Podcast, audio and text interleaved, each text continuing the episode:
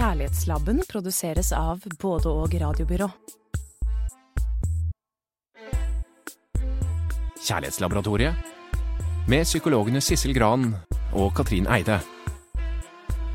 Her sitter Sissel og jeg i vårt kjærlighetslaboratorium, og det vi skal gjøre her, det er å utforske det store temaet kjærlighet. Hva er kjærlighetens bestanddeler? Når blir noe kjærlighet? Hvordan varer kjærlighet? Hvorfor knuses den? Og hva kan man gjøre for å få den til å vare? Og en rekke andre spørsmål. Vi skal egentlig by på alt det du trenger å vite om kjærlighet. Så hva er dagens tekst, Sissel? Ja, i dag skal vi snakke om eh, den vonde grunnscenen i parforholdet. Altså den onde sirkelen, runddansen, rundløypa, den tilbakevendende krangelen, loopen, karusellen. Altså ukjært barn har veldig mange navn. Ja. Det det egentlig handler om, det er jo kampen for kjærligheten og de vonde posisjonene som par kan nagle hverandre fast til. Vi skal snakke om hvorfor dette skjer, hva en sånn grunnscene egentlig handler om. Kan den brytes, og i så fall hvordan? Men først skal vi høre på et dikt av Inger Hagerup som heter Episode, og det er Ola G. Furuseth som leser. Det var på ingen måte noen trette. Aldeles ikke, sa han. Takk for mat. Og ordene falt høflige og lette og blinkende av gammelt, islagt hat. Og vel bekomme, svarte bare hun. Så skjøv hun stolen inn til spisebordet, mens hennes smale, sammenknepne munn bygget en uforsonlig mur bak ordet. De sto et lydløst øyeblikk på vakt og lette begge etter nye våpen, den spisse setningen de skulle sagt, den aller siste beske lille dråpen. Hun følte ordene bli giftig til. Den gule fryden ved å kunne såre slo ut i henne, hensynsløs og vill. Da strøk hans fingrer rådløst gjennom håret, og plutselig ble hennes øyne fulle i en avmektig, uforklarlig smerte. Hun merket dypt bak hat og nag og kulde, den spente streng fra hans til hennes hjerte. Jeg syns, eh, jeg syns det er et av de fineste diktene jeg vet, for jeg syns det er så voldsomt. Man kjenner den der kampen de imellom, og så kommer det et vendepunkt her. Ja, riktig. Ja, så først så Eller man kan bare forestille seg hvordan dette paret har en lang, lang forhistorie med masse skuffelser, eh, resignasjon, repetisjoner om og om igjen. Eh, dette her er jo litt sånn spekulasjoner, da. Man kan kanskje forestille seg hvordan han er en kanskje en taus mann, eh, og hun er en kjeftende kvinne, kanskje. Mm. gjentar seg. Som kanskje har blitt kjeftende fordi han var taus, og så er han blitt taus fordi hun har vært kjeftende, og da er vi inne i, inn i grunnscenen deres, ikke sant, for, det, for de har skjøvet hverandre inn i sånne posisjoner, kanskje gjennom et langt samliv, da. Og det er jo nesten sånn som jeg har opplevd selv med mine egne foreldre, ikke sant, hvor det hvor de levde litt på den måten, hvor moren min eh, Det var hun som kunne bli taus. Fordi eh, faren min, hun opplevde han som feig. Fordi han alltid stakk av når noe var vanskelig. Sånn at deres sånn rundløype eller grunnscene var jeg ofte vitne til som barn, og det er jo sånn at det er vondt for de to det gjelder, men det er sannelig ganske tøft å være barn uh, når voksne havner i i rundløyper, altså hvor det er enten veldig krangler eller etter hvert kald taushet og unnvikelse. Det er veldig vondt å være i. Det er vondt å være de som har det sånn, men det er også veldig vondt å, å oppleve det. å oppleve det. Det er det vi skal snakke om nå og se litt på. I dette diktet her så, så ser vi jo at det er et, et, et vendepunkt, eller hvor, hvor det endres litt. Hvor hun på en måte ser, eller kjenner noe ømhet når hun ser hans på en måte fortvilelse, eller det at han rådvilt stryker fingrene gjennom håret, sier hun, ikke sant. Så det, da kjenner hun dette kjærlighetsbåndet. Det emosjonelle båndet er fremdeles der mellom meg og, og deg. For det han gjør da, uten å vite det selv, det er å eksponere sine dypere følelser. Altså han eksponerer sin sårbarhet ved å gjøre det, og da eh, kjenner hun at hun fortsatt er glad i den mannen. Og det husker jeg at jeg så på mine, med mine foreldre også. Altså at de kunne, det kunne være små ting som fikk det til å snu. Til å snu. Og da snudde liksom hele stemningen, og det husker jeg var en veldig lettelse som barn å se det. Kunne se det. Mm. Ja, men ok, hva er det Hva, altså, vi jobber jo som terapeuter. Og hva er det folk kommer i terapi for? Katrin, hva er det de, er det de presenterer som, som uh, årsaken til at de, at de kommer? At de kommer, det er vel kanskje først og fremst så kommer de jo fordi at de har det vondt. De kommer med en smerte, og de har det veldig ofte vondt sammen. Uh, det de presenterer det kanskje som eh, at de har en del uløste krangler, de krangler, mm. eller er uenige om ting, eller de kjenner på ulikheter, personlighetsmessige forskjeller, eller mm. de har en del sånne gamle, uløste konflikter, manglende følelser for hverandre kommer opp, de kjenner på avstand, mm. vi kommuniserer dårlig, vi har sluttet å ligge sammen. Jeg eh, kan tenke, eller en fellesnevner er vel da at den ene eller begge har det veldig vondt, og de mm. orker ikke å ha det sånn. Så de sitter fast i, i, smerte, egentlig, og de greier ikke å løse det, og det er derfor de kommer med et håp om at vi skal kunne hjelpe dem mm. i å løse det. Ofte kommer de også fordi den ene eller begge vil at vi skal være et vitne på hvor dårlig den andre er. Ja.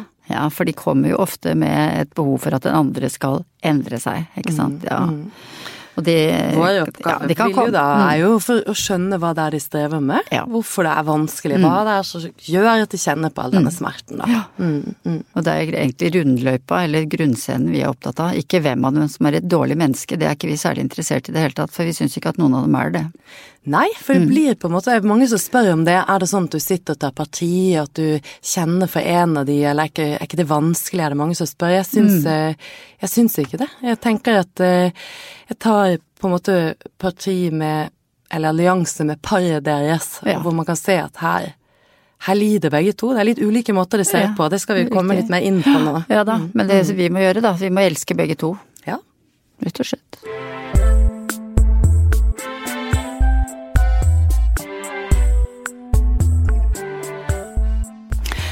Har intervjuet en rekke mennesker eh, i forbindelse med en bok jeg holder på å skrive, som ja. Eh, og den eh, kommer til å hete Det er slutt, den boken. Det er jo ikke noen lystelig tittel.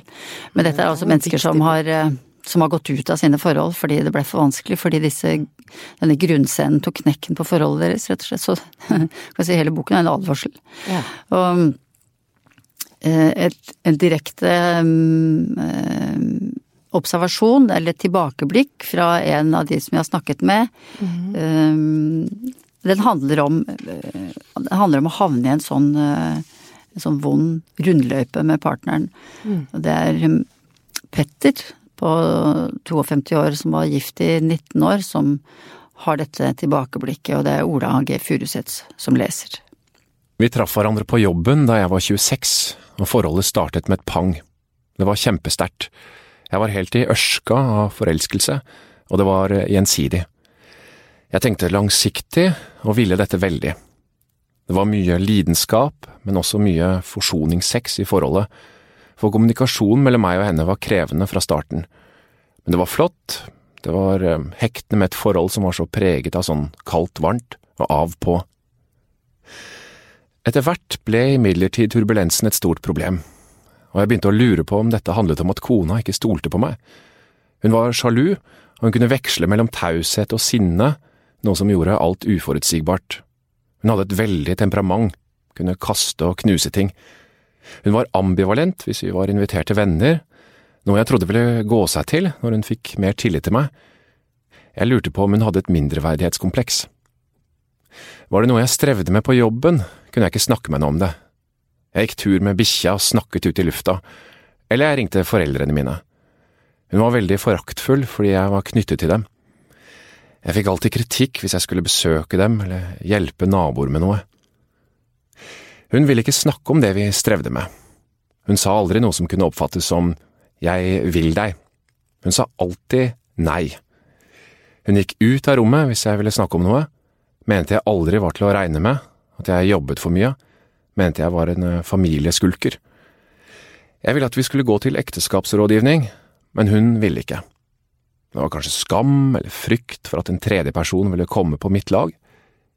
Jeg gikk alene til familiekontoret, men fikk døra i ansiktet der fordi hun ikke ville være med. Mm. Ja, ikke sant. Ja.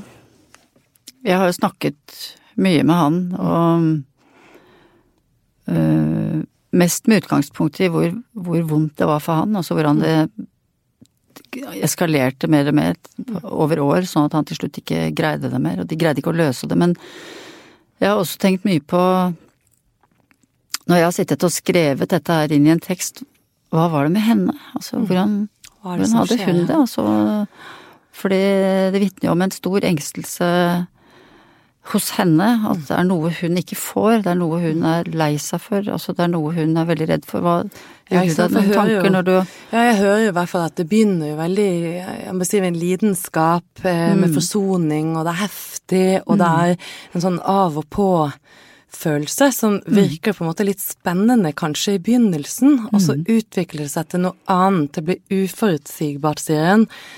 Tilliten mm. forsvinner. Det blir fanget av noen sånne løyper, da, som ja. jeg tenker de begge har lidd veldig, og hun også. De har lidd veldig. Ja. Men det som, som jeg øh, hører når han forteller, det er det at hun øh, er sjalu. Mm. Og dette er en mann som jobber mye. Han har mange venner, han gjør tjeneste for naboer, han er glad i foreldrene sine, han oppsøker dem ofte.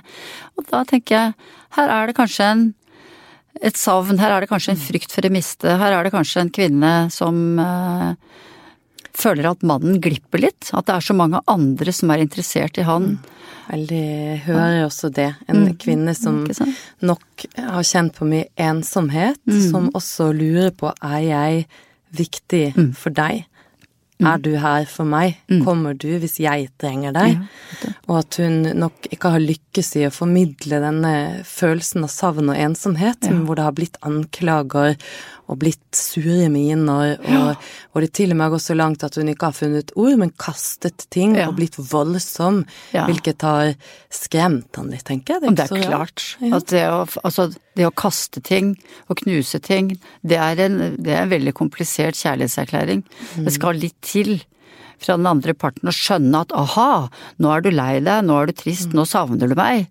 Ser ut som et monster. Ja, ikke sant. Så du, man blir jo redd. Altså der er det jo en, en, en eh, sabeltanntiger. Mm. Og du, går jo ikke og klemmer på en sabeltanntiger. Du stikker jo unna eller uh, beskytter deg eller forsvarer deg, ikke sant. Det, men dette ser vi ofte med folk. Mm. At de ikke greier å si hva det er de trenger, og greier å si hva de faktisk føler, men de fanges i i dette overflatiske mønsteret som til slutt tar knekken på forhold. Så det vi kan tenke her er at deres grunnscene, dette parets grunnscene, mm. denne scenen som de ble fanget av gang på gang, som de ikke kom seg ut av, kunne høres ut som noe sånn at jo mer hun roper og trenger han, men roper etter kjæresten sin ved å kaste, kjefte og anklage. Jo mer hun gjør det der, jo mer trekker hun seg unna, går tur med hunden alene, prater ut i luften, ringer foreldrene, strekker seg ut mot andre enn henne, klarer ikke, tør ikke, for hun virker så sint. For det som skjer etter hvert når man havner i en sånn grunnscene som det, det er at man etter hvert slutter å å lytte med det positive øret. Du mm. hører ikke lenger at den andre egentlig sier noe hyggelig. Eh, man blir overveldet av negativitet, og det par kommer til oss med, at de er mm. overveldet av negative følelser, og de har sluttet nesten. Og uh, en ting er at de ser og hører bare det negative den andre sier eller gjør, og i tillegg oppfattes nesten 50% av det positive den andre forsøker å formidle som noe negativt, så det blir mm. veldig lite igjen av um, positivitet i forholdet. Og det er jo dette John Gottman snakker om som negativ overveldelse. Mm. Altså at man rett og slett ikke klarer å um, høre at den andre sier Hvis den andre eksempel sier 'tusen takk, det var kjempehyggelig av deg', så hører den andre hån. Mm.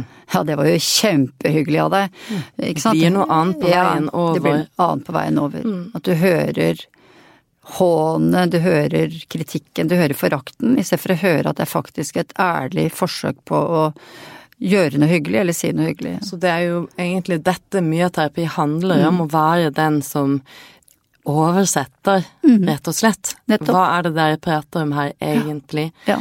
Jeg kom til å tenke på, på, at dette her, vi ser jo mye av dette. Ja. Et, et, annet et, Jeg bare husker et eksempel med en kvinne som Eh, hvor hun eh, eh, For å på en måte beskytte kontakten de imellom, så var hun en som gikk på, som ønsket å få kontakt, mens han, for å beskytte de, var redd for krangel og trakk seg, trakk seg mer unna. Mm. Så i terapien så handlet det masse om dette her, hvordan, hvordan, finne noe som er positivt, for det er hvordan finne denne broen over, ikke sant. Mm. Og så Mellom dem, ja. Mellom de, ja. ja. og så sier hun jo at eh, Eh, jeg syns at alle ting du ber om, handler om at du skal vekk. Du skal ha mer alenetid, du vil eh, ha tid til å tenke, du skal ha tid til å jobbe, du vil være med kamerater, du skal roe deg ned. Jeg må lære meg til å trekke meg unna, du skal trene, du skal komme deg opp. Eh, og det er som at absolutt alt handler om at jeg skal ut og vekk av livet ditt. Mm. Hvordan kan dette være at du ønsker parterapi? Hvordan kan dette være kjærlighet, at du vil ha meg? Nettopp. Og hvorpå han sitter der helt åpen og sier 'jeg skjønner ingenting av hva du sier'. Det er helt annerledes hos meg. Jeg vil ha deg. Jeg har aldri vært så nær noen før. Jeg, gjør, jeg skjønner det ikke. Det, uansett hva jeg gjør, så blir det ikke bra nok. Jeg har sluttet med Og så ramser han opp aktiviteter han har sluttet med. Jeg, jeg jobber jo for oss, vi trenger penger. Men jeg skjønner ikke hva er det du vil ha? Nettopp.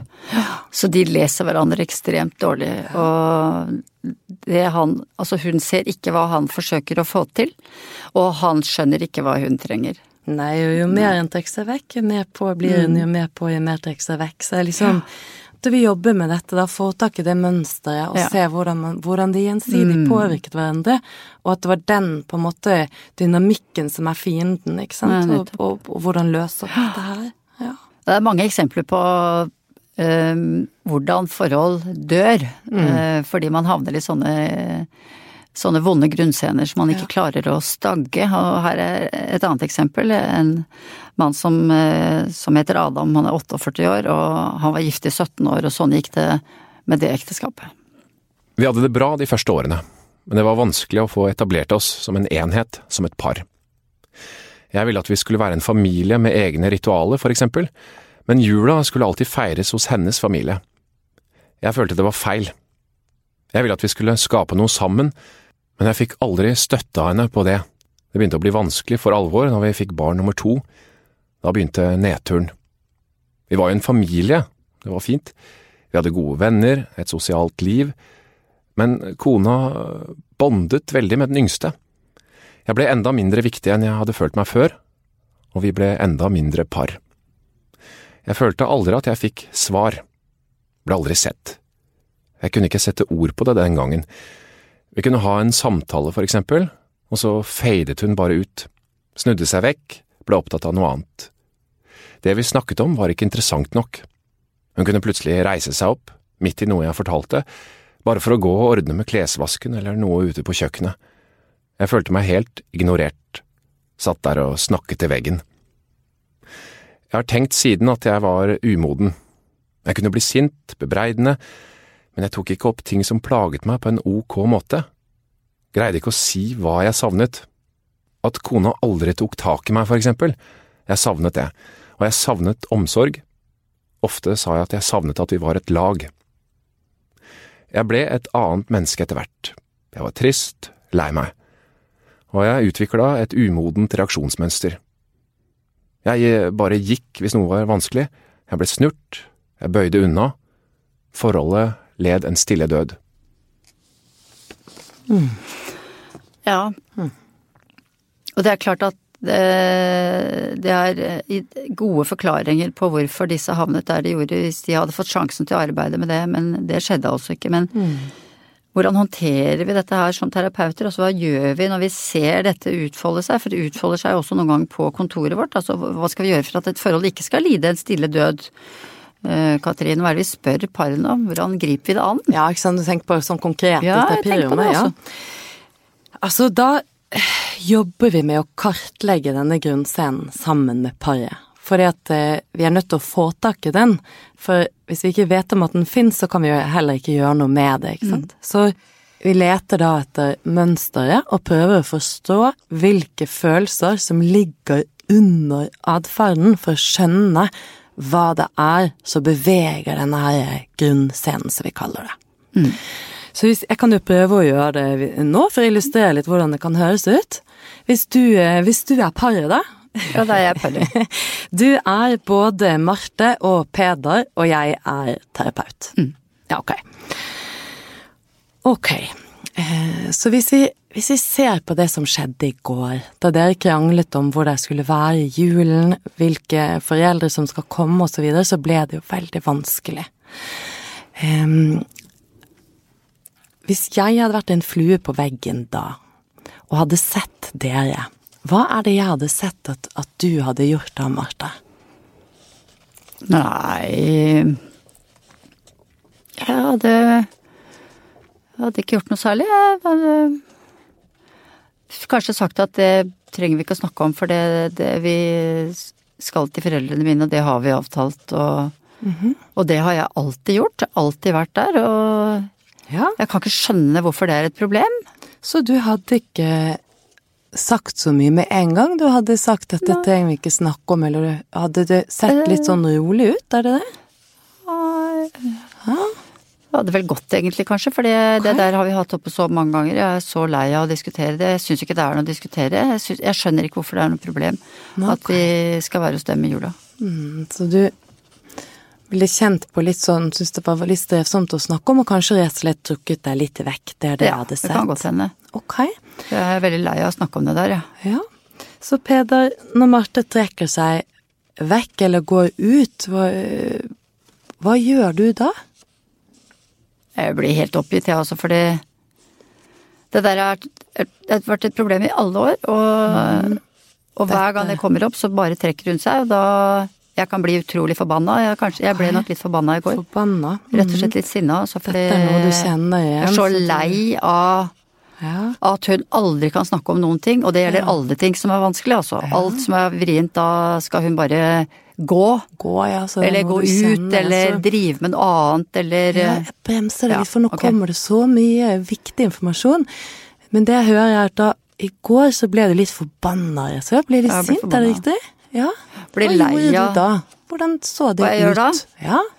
Nei, jeg blir vel bare Jeg bare kjefta. Jeg kjefta rett og slett, okay. altså. ja, fint. Da kjeftet Kjefta, du, rett og slett. Marte, når Peder kjefter, sånn som i går, kan du, kjenner du dette igjen? Eller husk, husker du dette? Var, er det sånn du også husker det, at han kjeftet? Ja, jeg orker ikke det, for det det har vært veldig mye av det, og jeg er ikke vant til at man holder på sånn i en familie. Jeg er ikke vant til at man driver også og krangler om bagateller, jeg. Nei, så hva skjedde? Hva skjer med deg? Hva skjedde med deg? Nei. Nei, jeg tenker at det er helt håpløst, jeg. Jeg tenker, Ja. at, det helt, jeg tenker at han er ganske barnslig, faktisk. Ja. Ok, vi stopper litt. Sånn her, omtrent sånn kan det høres litt ut. Det er litt sånn rart å gjøre det her inne nå. Men eh, hva, er det jeg driver, hva, hva er det som skjer her nå? Hva er det jeg driver med? Nå forsøker du å finne ut hva, hva er det som trigger disse to. Hva er det hun gjør som trigger han og omvendt, ikke sant. Og det, når hun blir unnvikende og ikke vil snakke om det, så blir han utrolig oppgitt, selvfølgelig. Hun, hun tenker om han at han er barnslig, men hun tenker også at ja, men dette har jo Sånn har vi organisert vårt familieliv, og hvorfor syns du det er vanskelig? Hun, hun ser ikke Uh, underliggende følelser hos han, og han ser ikke det hos henne. For her Ja, så- antageligvis handler det om lojaliteter, ikke sant? Ja, så det Ja. er, er veldig mye på spill her, og mange lag, og mye, mye som foregår. Og det vi prøver, er jo da å følge atferden. Hva er det de gjør? Hvordan ser det ut? Og så prøver vi å knytte det til hvilke tanker de får om det de gjør. Og så prøver vi igjen å organisere neste nivå, som handler om hva føler de rundt disse tankene som oppstår knyttet til det de gjør.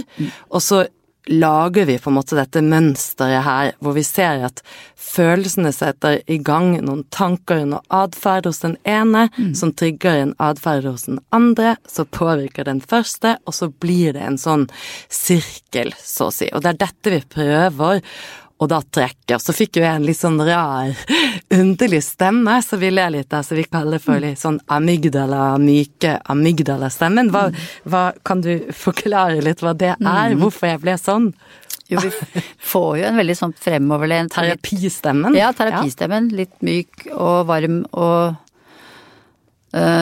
som vi kaller soft, slow and simple. ikke sant? Det skal være en myk stemme, det skal være en langsomhet i det, og man skal bruke enkle ord. Og det handler om å ikke skremme opp folk, og forsøke å snakke til dem på en så rolig måte at ikke det stimulerer frykten deres for mye.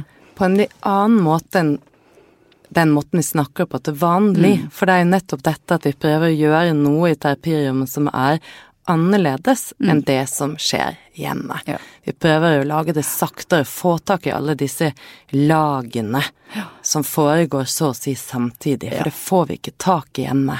Ja, for det du er ute etter, grunnleggende sett her, det er hva er driveren i dette systemet, altså i denne grunnscenen. Og driveren er de underliggende følelsene, og de vet ikke folk om. De vet ikke hva det er som egentlig ligger under, og det er vanskelig å få tak i. Når folk kommer til oss, så, øh, og, øh, så har de veldig høy puls, for de gruer seg. Og de er redde. Og hvis du har mer enn 80 i puls, så øh, har du vanskelig for å Analyseapparatet ditt er litt slått av da. Ja. Og hvis pulsen går over 100, så klarer du faktisk ikke å tenke klart. Mm. Da er det frykten som begynner å styre, og da slås alarmsentralen i menneskets hjerne veldig ofte på. Og den alarmsentralen heter jo amygdala, og den ligger dypt inne i det limbiske systemet i hjernen og kalles for pattedyrshjernen. Det er på en måte en, litt, en gammel del av hjernen som er der for å sørge for vår overlevelse. Og amygdala smaker på innkommende informasjon på en måte, og forteller oss hva er det trygt, er det, er det skummelt, er det farlig, og hva skal du gjøre nå i, i den situasjonen du er i.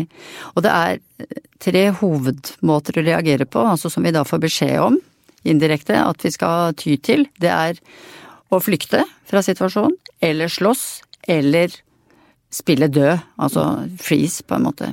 Og det det er dette folk Dette ser vi fort når folk eh, kommer til oss og paret sitter der og havner i grunnscenen sin, og vi vet at det er dette de holder på med hjemme også, hvor de er i alarmberedskap. Og det er da det er utrolig vanskelig å kjenne hva føler jeg egentlig nå? Fordi ja. det man egentlig føler kan da komme ut som raseri, mens du egentlig er utrolig redd. Eller det kan komme ut som eh, noe som ser ut som iskulde, likegyldighet, jeg bryr meg ikke i det hele tatt, mens det egentlig er et harehjerte Ja, eh, som dundrer som bare inni den personen, som kan se helt eh, kul og rolig ut i ansiktet sitt. Ja, ikke sant? Så dette her handler om at dette her å få tilgang til de grunnleggende, Mm. dypere følelsene. Og her, her må vi nok snakke litt om, om nettopp følelser, og det at vi har ulike lag av følelser. Mm. Og som du sier, så er det det at vi gjerne kan vise en følelse, men samtidig ha en annen følelse under den vi viser. Nettopp. Dette kan vi, eh, kaller vi av og til for eh, en primærfølelse, det vi har helt innerst, og så kaller vi det for en sekundær følelse, det som er utenpå, det vi viser. Ja, og av og til så vet vi at vi har på en måte to lag. At vi skjuler det vi egentlig føler, og andre ganger så vet vi det faktisk ikke. Nettopp. Ja, så det er et sånn rent konkret så kan det jo være at eh, eh, hvis kjæresten din kommer litt sent igjen, eh, og du ikke er forberedt på det, så føler du deg kanskje litt dum. Er teit å bli sur for det. Nå er jeg egentlig litt lei meg og litt sur, men det, det føles Jeg har ikke lyst til å vise det. Og så kommer hun hjem, og så, og så blir det kanskje litt, litt eh, sur likevel. Eh, og så sier han 'hvorfor er du så sur'? Nei, ikke sur, jeg, jeg, jeg, jeg vet ikke, jeg bare Nei, jeg er litt trøtt. Pff, litt sånn irritert. Og så er det kanskje bankende hjertet lei seg inni. Det føles dumt å si det, og så skjuler man det. For dette har skjedd mange ganger før. Ja, for eksempel. Og du har vært litt urolig for hvor han er, hva han gjør. Eh, og kanskje den personen er litt bekymret av seg. Kanskje, Ja. ikke sant? Eller man føler seg litt raus, eller man har ikke lyst, man har lyst til å skjule det man egentlig føler. Mm. Det er veldig vanlig at vi gjør at vi har en primær følelse en, en innerste følelse, Mm. som ofte kan være i denne sammenheng nå lei seg, eller skuffet, eller såret, Mm. som er sånne følelser som gjerne er knyttet sammen med at vi skammer oss litt, eller føler oss sårbare eller litt for åpne, og så skjuler vi med en sekundær følelse en annen følelse utenpå som syns. For det er flaut Det er å vise flaut, avhengighet. Ja. Det er flaut å signalisere at jeg føler meg alene uten deg. ja. For det bytter med min egen selvopplevelse at jeg er en selvstendig, uavhengig person. Ikke sant? Det som er det triste i dette, er at ofte disse sekundære følelsene, det vi viser De som det- kommer ut. De som kommer ut, ja. Det som den andre ser. Det på en måte fører til en motsatt effekt av hva vi egentlig trenger. Vi viser irritert eller sint. Eller sur Bak eller, eller lukket. sur eller lukket. Bak så er vi lei oss, usikre, eh, Redde. redde, og trenger egentlig en klem og forklaring og Mhm. litt trøst, men det får vi ikke, for den sekundære følelsen kommer i veien, på en måte, Nettopp. dytter den andre vekk. For hvem vil klemme en som er sur, irritert, kritisk, negativ, eller sier nei, alt er greit. Ja. Og dette her er det mange som ikke er klar over, ikke sant, for vi er ikke vant til å tenke helt på den måten. Vi er ikke så vant til å sortere følelser på en måte i lag. Så det må man nesten lære, eller få vite at sånn er mennesker organisert. Men er det ikke rart at, at folk tenker at vi ikke kan lese følelser? For det, vet du, det er vi blitt Ja. tutet litt ørene fulle med, altså. Ja, At du må si hva du føler og tenker, for ingen kan lese deg. Men herregud, tenker jeg noen gang, hvis det var sånn at mennesker ikke kunne lese andres følelser, da hadde det vært mye kollisjoner her i verden. Altså, det klart vi kan lese ganske bra at andre er redde, eller triste, eller forbanna, eller bekymret. Stressuslett på halsen, eller rødme, Ja. eller blikk som går Ja. ned, eller en sånn kulde vi bare fornemmer. gjennom- Ja. Så det jeg helt, helt støtter deg veldig på det der, at man må slutte å si at vi ikke kan Vi er jo dyr, vi fanger opp veldig masse, men vi vet ikke alltid hva det er som ligger bak, og hva, det, hva man er lei seg for, eller hva man blir usikker på. Her er det jo en idé å på en måte Mm. prøve å sette ord på. Men det kan jo være sånn, vet du, at du er flinkere til å lese på andres følelser på jobben. Ja. Å ja, liksom nå var han litt sur, eller nå var han litt lei seg, eller hvordan går det, hvordan er det hjemme? Du er flinkere til det enn med partneren, fordi der betyr det så mye. Gjennom, og når det det. står veldig mye mer på spill enn det det gjør kanskje i forhold til en kamerat eller Mm. naboen eller jobben, eller tilfeldige folk du treffer på gata. Vi er veldig flinke til å se en noe som er en ubehagelig Altså hvis noen sender ut et ubehagelig signal på gata, du går over på den andre siden, eller Mm. du går i en bue rundt den personen som kanskje kan signalisere noe som amygdalaen din fanger opp utrygt, utrygt, utrygt. Ja vel, det reagerer du helt fint på med en gang, men se så kommer du hjem, vet du, og så sier kjæresten din eh, Hvorfor kommer du så seint, da? Mm. Og så sier du kommer seint, det én time, jeg måtte jo jobbe litt, jeg måtte sånn, jeg måtte I stedet for at du da sier oi, ble du lei deg, liksom, eller Mm. hva er det for noe? Du ser litt bekymra ut i ansiktet, kom hit da. Jeg... Det er mange som kommer med dette og sier det, jeg skjønner ikke, du er så hyggelig med alle andre, mot meg er Mm. Ja. bare dritt. Yes, Ja, det handler jo nettopp om det, om betydningsfullheten. Ja. Mm.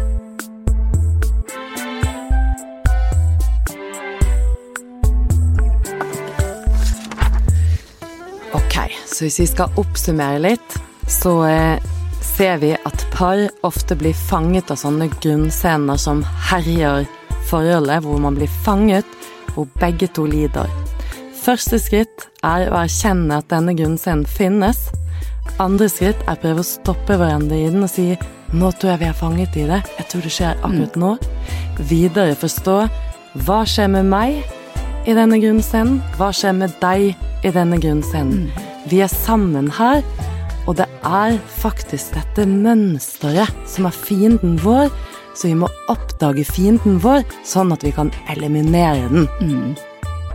Det er magisk, ikke sant? At vi tør å si hva som egentlig romsterer der nede i underetasjen hos oss begge to, så er det faktisk sånn at vi ofte vil bli tatt imot og ikke avvist. Neste gang så skal vi snakke mer om dette her. Da skal vi snakke om kjærestestiler, altså om hvordan vår grunnleggende tilknytningsstil på et eller annet tidspunkt vil åpenbare seg i forholdet, og hvordan dette kan gjøre forholdet til en kampsone eller en lykkelig reise. Men inntil da, Slapp av, du er bare et menneske. Nettopp. Kjærlighetslabben er produsert av både og radiobyrå.